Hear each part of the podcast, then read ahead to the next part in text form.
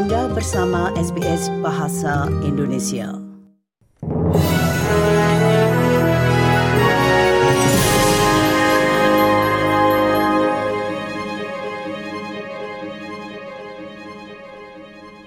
Berita selengkapnya.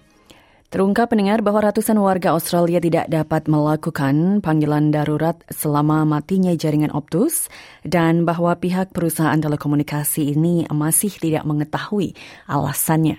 Kepala Eksekutif Optus, Kelly Bayer Rosmarin mengatakan sebanyak 228 panggilan ke Triple Zero gagal tersambungkan ketika koneksi layanan ini mati selama 12 jam yang memengaruhi layanan internet dan telepon dari jutaan pelanggan pada 8 November lalu.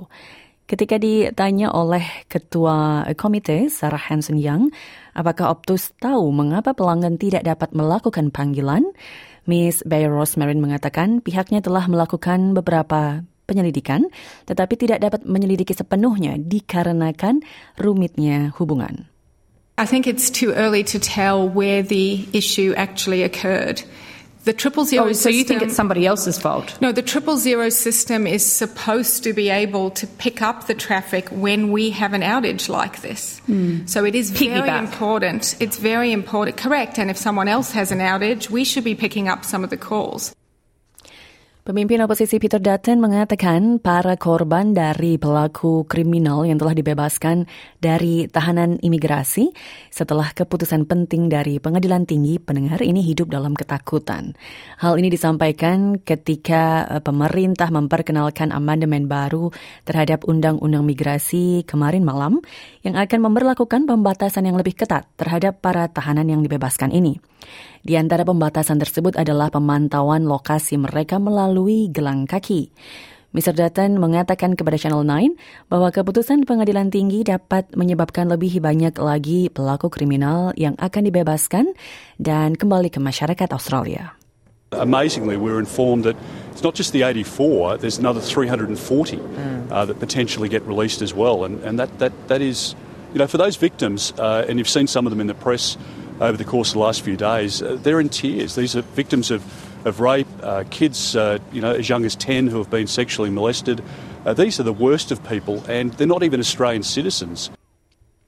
Menteri Kesehatan Mark Butler telah mengumumkan bahwa pemerintah akan melakukan investasi sebesar 166 juta dolar guna membantu memerangi dampak kanker bagi warga Australia. Jumlah tersebut mendengar akan disediakan guna pengembangan program keperawatan dan navigasi kanker yang mana akan membantu pasien selamat dari penyakit mematikan tersebut.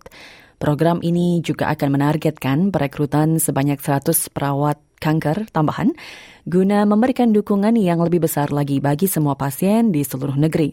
Investasi ini akan menjadikan jumlah total rencana kanker Australia yang baru dirilis sesuai dengan anggaran tahunan menjadi lebih dari 735 juta dolar. Mr. Butler mengatakan masyarakat Australia memiliki tingkat kelangsungan hidup kanker tertinggi di dunia. Namun tujuan program ini adalah untuk meningkatkan angka tersebut menjadi lebih tinggi lagi. Uh, more than 160,000 Australians are diagnosed with cancer every single year, and it's still Australia's big, biggest killer in spite of the extraordinary inroads that have been made over recent decades.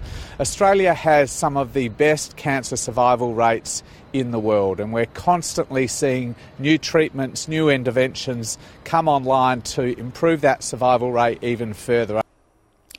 Perdana Menteri Anthony Albanese pendengar berpartisipasi dalam pertemuan para pemimpin dunia APEC atau Kerjasama Ekonomi Asia Pasifik.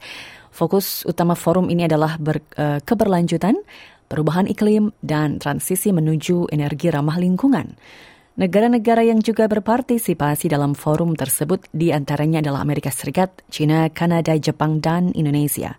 Dalam KTT ini, Presiden Amerika Serikat Joe Biden mengatakan bahwa para pemimpin di kawasan Indo-Pasifik memikul tanggung jawab terhadap negara lainnya di dunia untuk menargetkan emisi yang lebih rendah.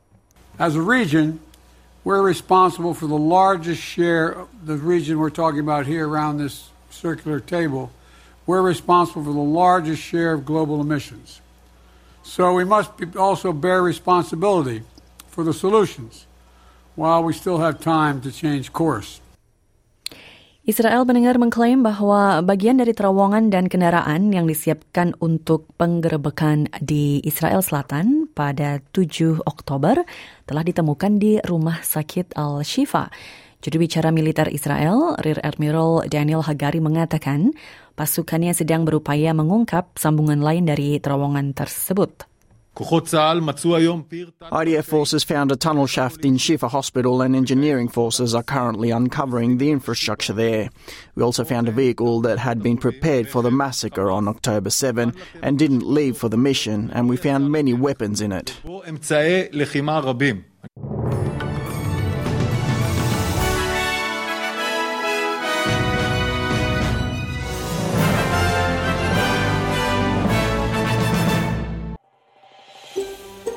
Anda ingin mendengar cerita-cerita seperti ini? Dengarkan di Apple Podcast, Google Podcast, Spotify, atau di mana pun Anda mendapatkan podcast Anda.